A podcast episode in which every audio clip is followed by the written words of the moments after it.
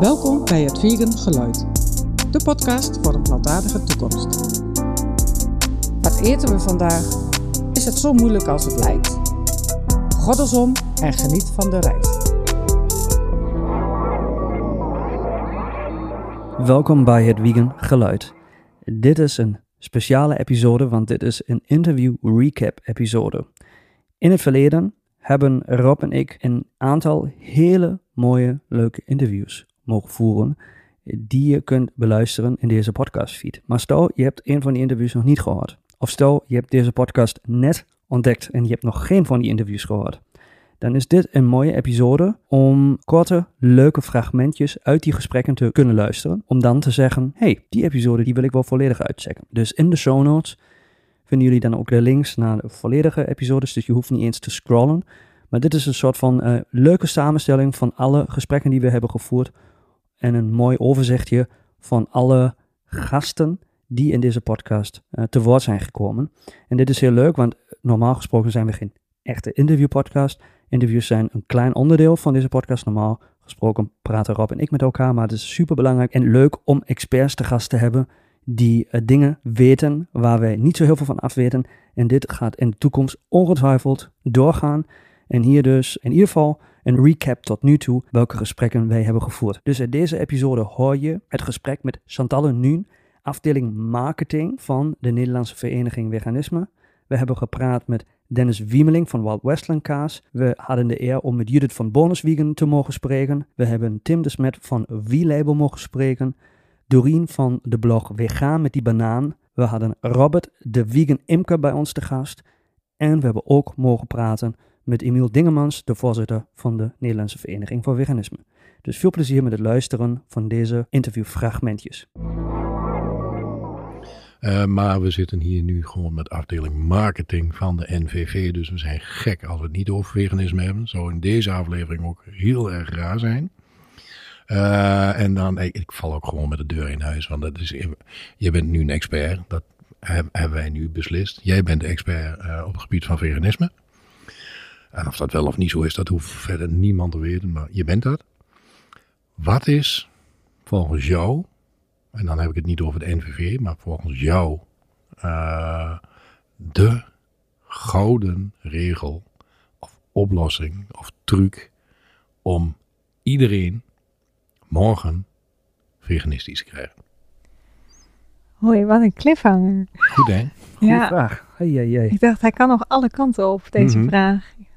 Ik had al een antwoord paraat, maar dat is niet... eh, Ja, maar Niet hoor, maar ik, juiste. ik, ik zou het heel... Ik, ik ben er al jaren naar op zoek. Ik ben ook niet de specialist. Eh, oh, dat is helemaal niet waar. Ik ben wel... zelfs op mijn website, eh, jeetje mina. zeg. Je maakt jezelf heel klein, hè? Ja, ja. Ja, dat is jammer. Dat is jammer. Ja, ehm, maar het hoeft, niet in, het hoeft niet in één zin. Oké, Het zou te gek zijn als jij de gouden regel hebt. dat verlaagt de druk, eh, Rob. Ja, ja, ik zag het aan je. Ik denk dat het belangrijk is om in acht te nemen dat we... Oeh, dat klinkt heel zakelijk. Dat je het niet fout kan doen. En dus dat er ook geen gouden regel is.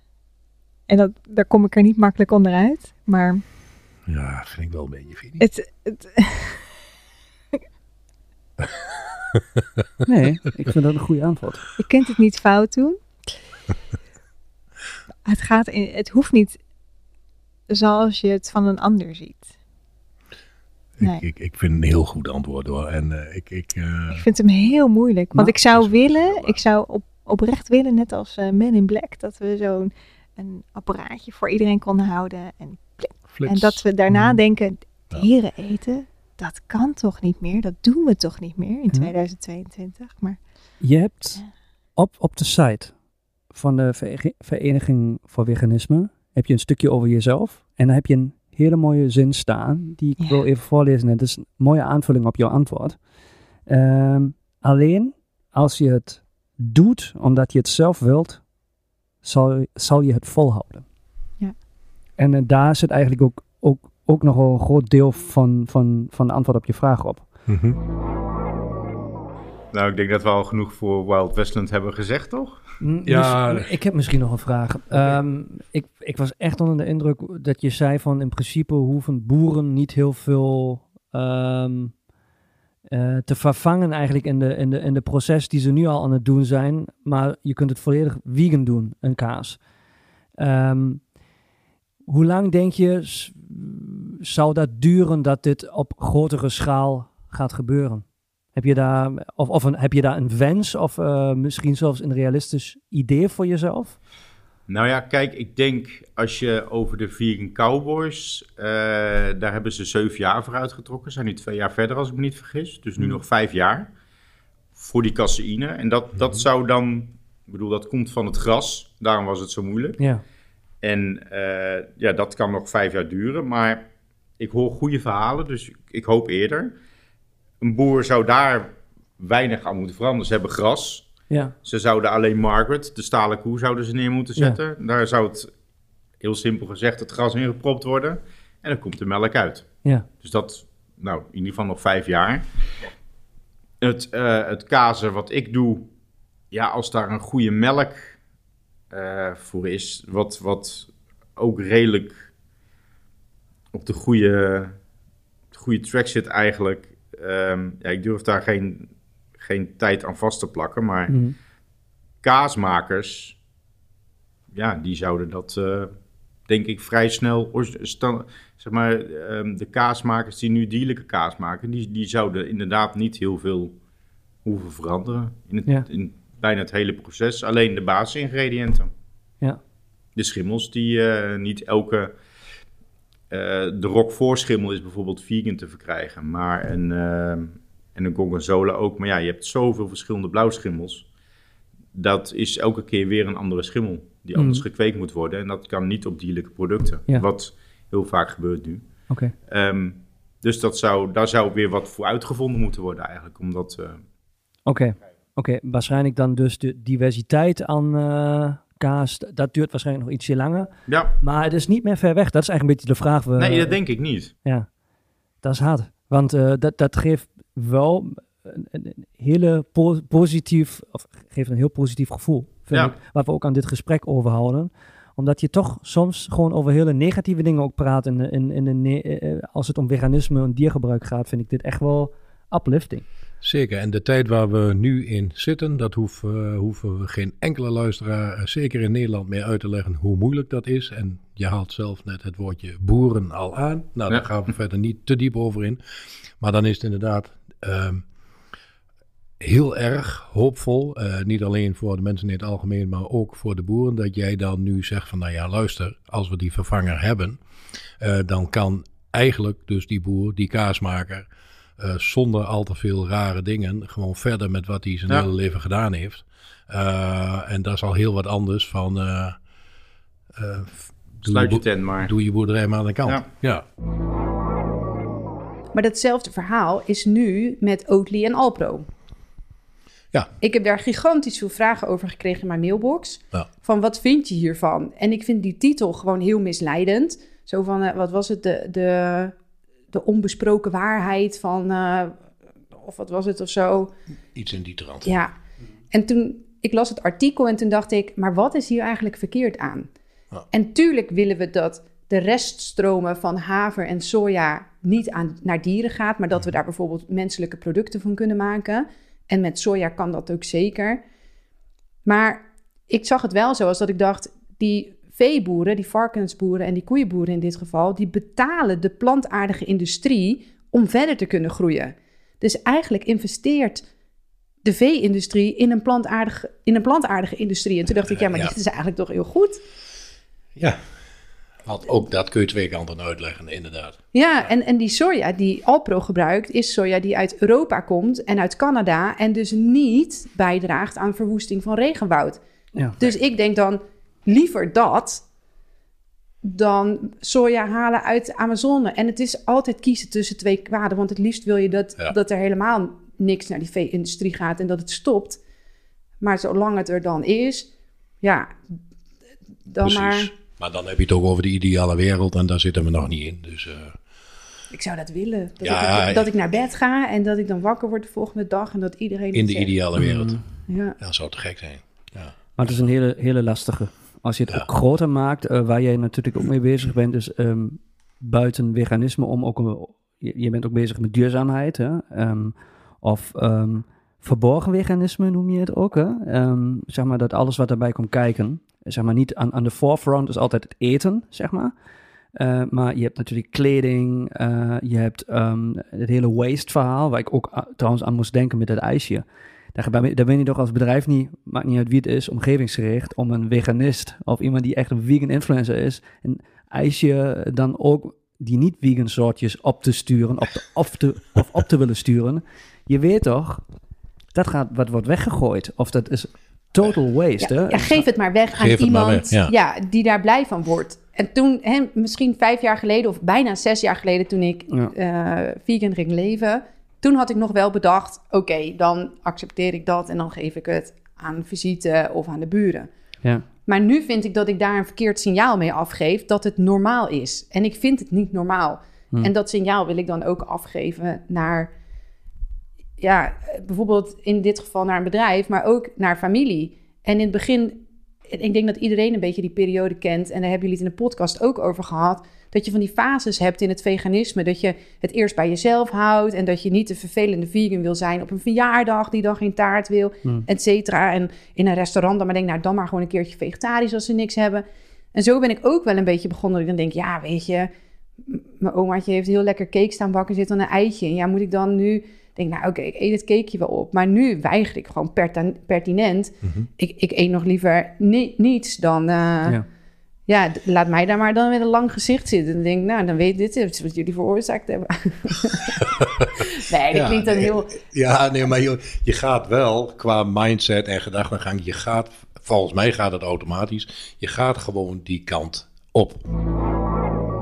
Waar ze dus undercover ook eh, zijn gaan filmen. Iemand die zich voordeed als iemand die, daar ging werken.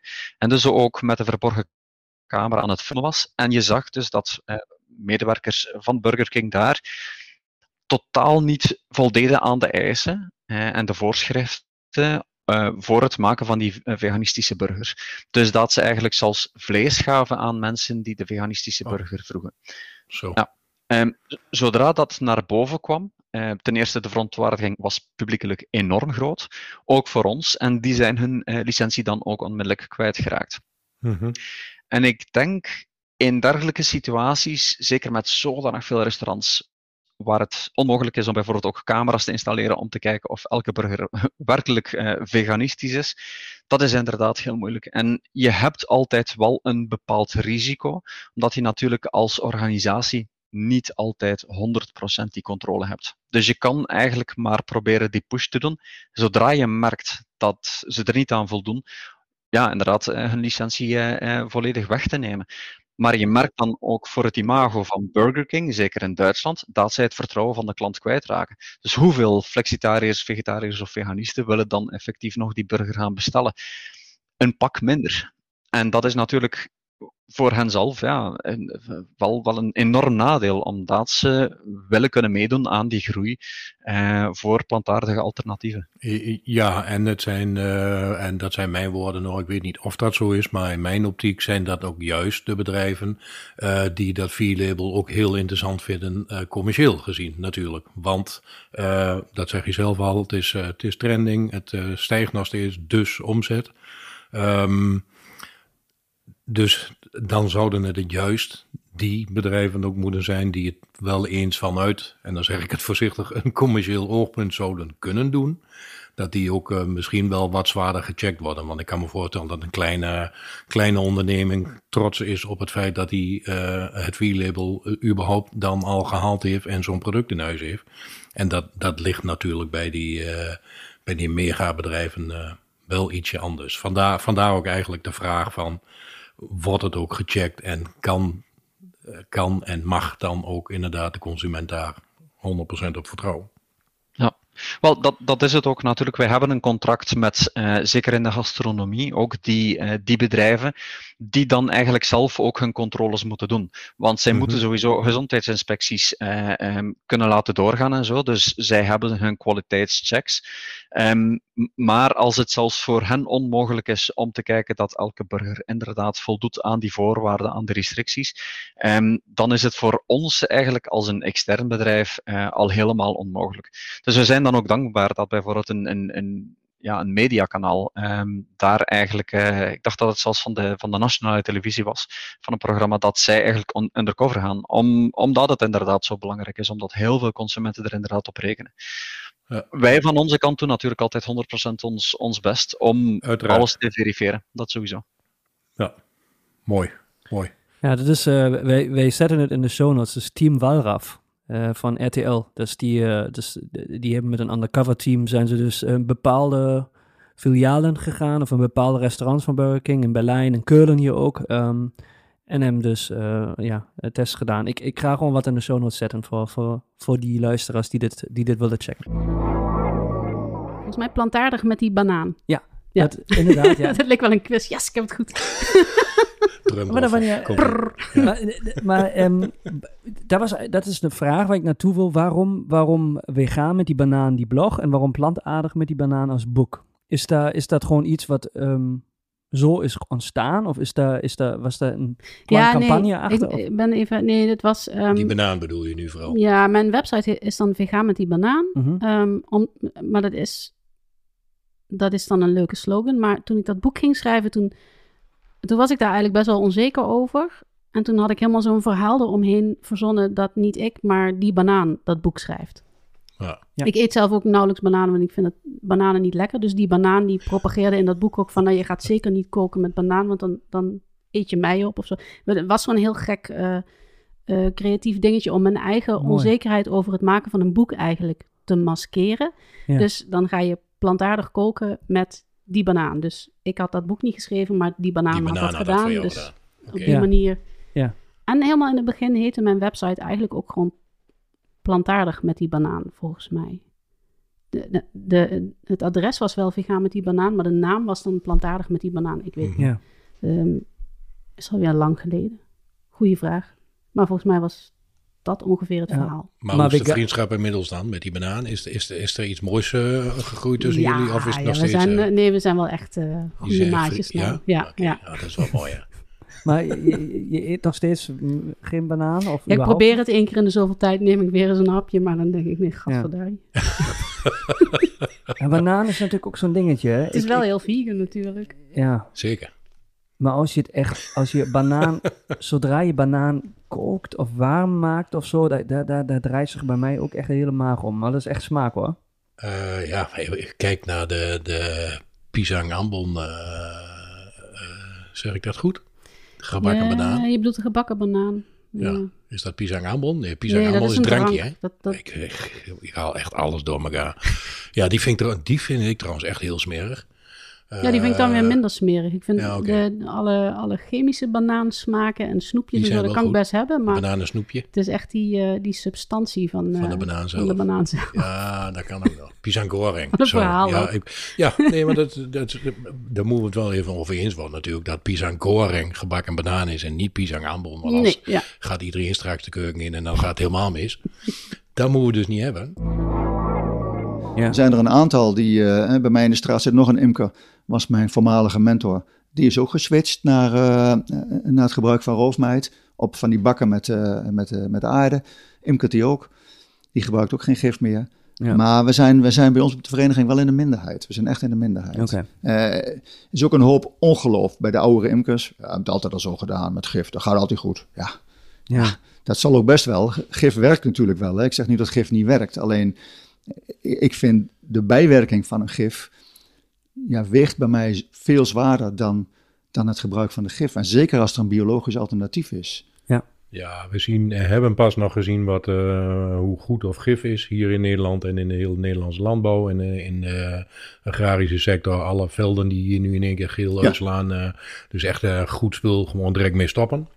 Ehm, en, dan, en dan voor jou is de volgende, je schrijft software, dus voor jou moet dat echt een piece of cake zijn. Uh, maak een app, www. Uh, oh nee, dat is geen app, hè, dat is ja, een website. Nee, nee, website. Blij, blij, blij met de bio bij. Uh, zoiets, ja. ja en misschien is hij er wel hoor, ik weet, ik weet het eigenlijk niet. Ik ben, ik ben of in, vanuit veganimkers.nl. Veganimkers.nl, ja, ja, ja. Ja. Ja, ja, maar even nog dan terug over, over gif, wat mensen ook niet weten. Ja. Uh, heel veel mensen hebben, ik heb dat zelf ook, thuis last van mieren. Dus mensen zetten mierenlokdoosjes neer. Ja. Ja, denk je, ja, en? Dus, die mieren gaan mooi dood. Ja, nee, absoluut. Maar mieren komen ook in aanraking met bijen. Ja. Eén zo'n doosje, één zo'n mierenlokdoosje kan een complete kast bijen uitroeien. Wat denk jij dat de oorzaak is van op dit moment het achterblijven van de, de sterke volken of de bijenvolken in het algemeen? Uh, want we hebben het het persoonlijk over gehad. Ja. Maar voor de luisteraar misschien ook wel interessant. Want de ene keer heb je een heel groot volk, de andere keer heb je zo ja, goed als geen. Ja, nou ja, het, kijk, de bijen uh, lopen natuurlijk heel erg uh, synchroon met, uh, met de natuur. Wat er gebeurt in de natuur, met de temperatuur, met het vocht, met of er, of er genoeg bloeit. Iedereen zegt altijd, het was een mooie zomer, het was 35 graden, het was een boel in bloei. Ja, maar je hebt eigenlijk een beetje water nodig in die grond om die nectarstroom in die, in die bloem op gang te houden. Dus weer is heel belangrijk. Ik denk zelf dat gif heel belangrijk is dat we, we blijven maar dat gif gebruiken. En, en ja. ja, dat moordt hele, hele volkeren echt, echt uh, uit. Ja. En de temperatuur, denk ik, maar dat is een persoonlijke, persoonlijk ding, denk ik dat dat nog wel eens het grootste probleem kan zijn. Hè? Wat, ik, wat ik aan het begin vertelde, ik, ik winter ze dan in, ik zorg dat ze genoeg voer hebben, het zij hun eigen voer. De temperatuur op aarde uh, heb je Ja, de temperatuur op aarde, ja. Dus ik, ik, heb, ik heb ze ingewinterd. In, uh, en wat zie ik met uh, Oudjaarsdag? De bijen vliegen nog. Maar die, die hadden eigenlijk al vanaf oktober, november binnen moeten zitten. Mm -hmm. Op de tros, niet meer vliegen. Dus het wordt 10 graden op oudjaarsdag. Die bijen die gaan, uh, die gaan er vandoor op zoek mm -hmm. naar. Ja, er is niks op 31 mm -hmm. december. Dus die, die vliegen die kast uit. Het is toch nog wel een beetje koud. En die vallen overal dood neer. Het kan wel zijn dat die binnen een meter van de kast dood neervallen. Ja. En het resultaat, en dat zie ik, heb ik jaren al gezien. En ze noemen het ook wel eens de verdwijnziekte. Maar ik maak mijn kast open en ik heb ingewinterd met 20, 25.000 bijen. In het voorjaar denk ik, nou, eens even kijken hoe het met de bijen is. Hè, de kast even schoonmaken, even wat hygiënische dingen in die kast uh, doen. Hè, nieuwe raad, nieuwe, nou ja, allerlei taken die ik dan eventjes doe. Ja. Ik haal die bak leeg en wat ligt er op de bodem? 500 dode bijen, meer niet. Waar zijn die andere 19.500 bijen gebleven? Ja. Die zijn weg. Waar zijn die heen? Die zijn weggevlogen. En zelf denk ik, is de Je temperatuur. weet. Ik weet het niet zeker. Ik, dit is mijn gevoel daarover. Het is gewoon, we hebben niet meer van die fatsoenlijke winters. Het is gewoon altijd te warm. Wat is uh, op dit moment in de ontwikkeling of een beetje ook de toekomstvisie um, van de NWW? Um, waar zijn jullie mee bezig? Waar willen jullie naartoe? Um, wat zijn de nieuwe dingen? Iets wat in je opkomt, gewoon om uh, onze luisteraars even mee te nemen. Wat ze kunnen verwachten. Ja, we hebben op dit moment ontzettend veel verschillende projecten en campagnes uh, lopen. Um, dus we zijn op dit moment aan het kijken van waar gaan we nu uh, de meeste energie in, in stoppen. Um, om dat toch iets meer te professionaliseren. Um, en daarnaast zie je ook dat er ja, ook op de sociale media verandert heel veel. Uh, de manier dat mensen informatie tot zich nemen verandert. En daar proberen we ook wat meer uh, op aan te gaan, uh, gaan passen. Zodat dat wat beter, beter aansluit. En wat ook wel leuk is, is dat we nu meer um, aan de gang willen gaan. Niet alleen met online gebeuren, maar ook gewoon wat meer offline gedeeltes. Dus um, we willen dus wat meer het land ingaan om daar ze dus lezingen te gaan houden, juist over veganisme. En um, nou, daar zijn we al uh, aardig mee bezig en een aantal mensen gevonden die dus in bepaalde regio's uh, lezingen willen gaan geven. Okay. Um, als er nog uh, luisteraars zijn die zeggen van nou, dat lijkt me hartstikke leuk om dat ook te doen, dan kunnen ze altijd even een mailtje sturen naar naar, naar ons toe op uh, info.veganisme.org of uh, via de contactpagina. Dat zou hartstikke fijn zijn, ja. Zetten wij zeker in de show notes, toch Rob? Ja, die, uh, die, komen de, die komen daarbij in. En korte conclusie is dus dat jullie ehm, doorgaan met wat jullie al heel lang heel goed doen. en iets meer in gaan zetten op wat meer interactie, zowel op social media als daarnaast, zeg maar. Is dat een goede samenvatting van mij? Ja, zeker. Nou ja, we vinden community ook heel erg belangrijk. Dus ik denk dat er heel veel waarde zit en heel veel energie in al die veganisten die ja, samen uh, elkaar vinden om mhm. samen een boodschap uit uh, te brengen. Dus we proberen dat ook meer uh, ja, samen te brengen. Uh, om toch als een ja, community naar voren te kunnen treden. Dus ja. daar zullen jullie vast nog wel wat meer over gaan horen. En trouwens, ehm, bedacht me net, ehm, je vroeg me van ja, als een aanrader voor mensen om, om nog eens een keertje door te lezen bijvoorbeeld. Ja. ik kan best wel het, een boek van Tom Regan aanraden. Dat boek heet The Case for Animal Rights. En Tom Regan is, ja, kan je wel zien als, als, als, als de vader van de dierenrechtenbeweging. En die heeft daar gewoon echt als eerste een, een echt een hele goede poging gedaan om echt te beschrijven van waarom dieren nou eigenlijk rechten hebben en waarom dat we hun rechten moeten, moeten beschermen en daarvoor mhm. opkomen. En dat kan ik echt wel aanraden om die, die door te lezen. Zeker. Heel erg bedankt voor het luisteren van deze episode. Als je deze podcast wilt ondersteunen, dan zou het heel erg leuk zijn als je ons een positieve review kunt geven op bijvoorbeeld Spotify of Apple Podcast. En als je vragen hebt over veganisme, of je wilt bijvoorbeeld een interviewgast aandragen, of je hebt een feedback wat je graag kwijt wil, dan kan dit via mail, of gewoon via Instagram, daar gewoon het Geluid in toetsen bij onze account terechtkomen en een DM opsturen. Rob en ik wensen jou een hele prettige dag en tot de volgende keer. Doei!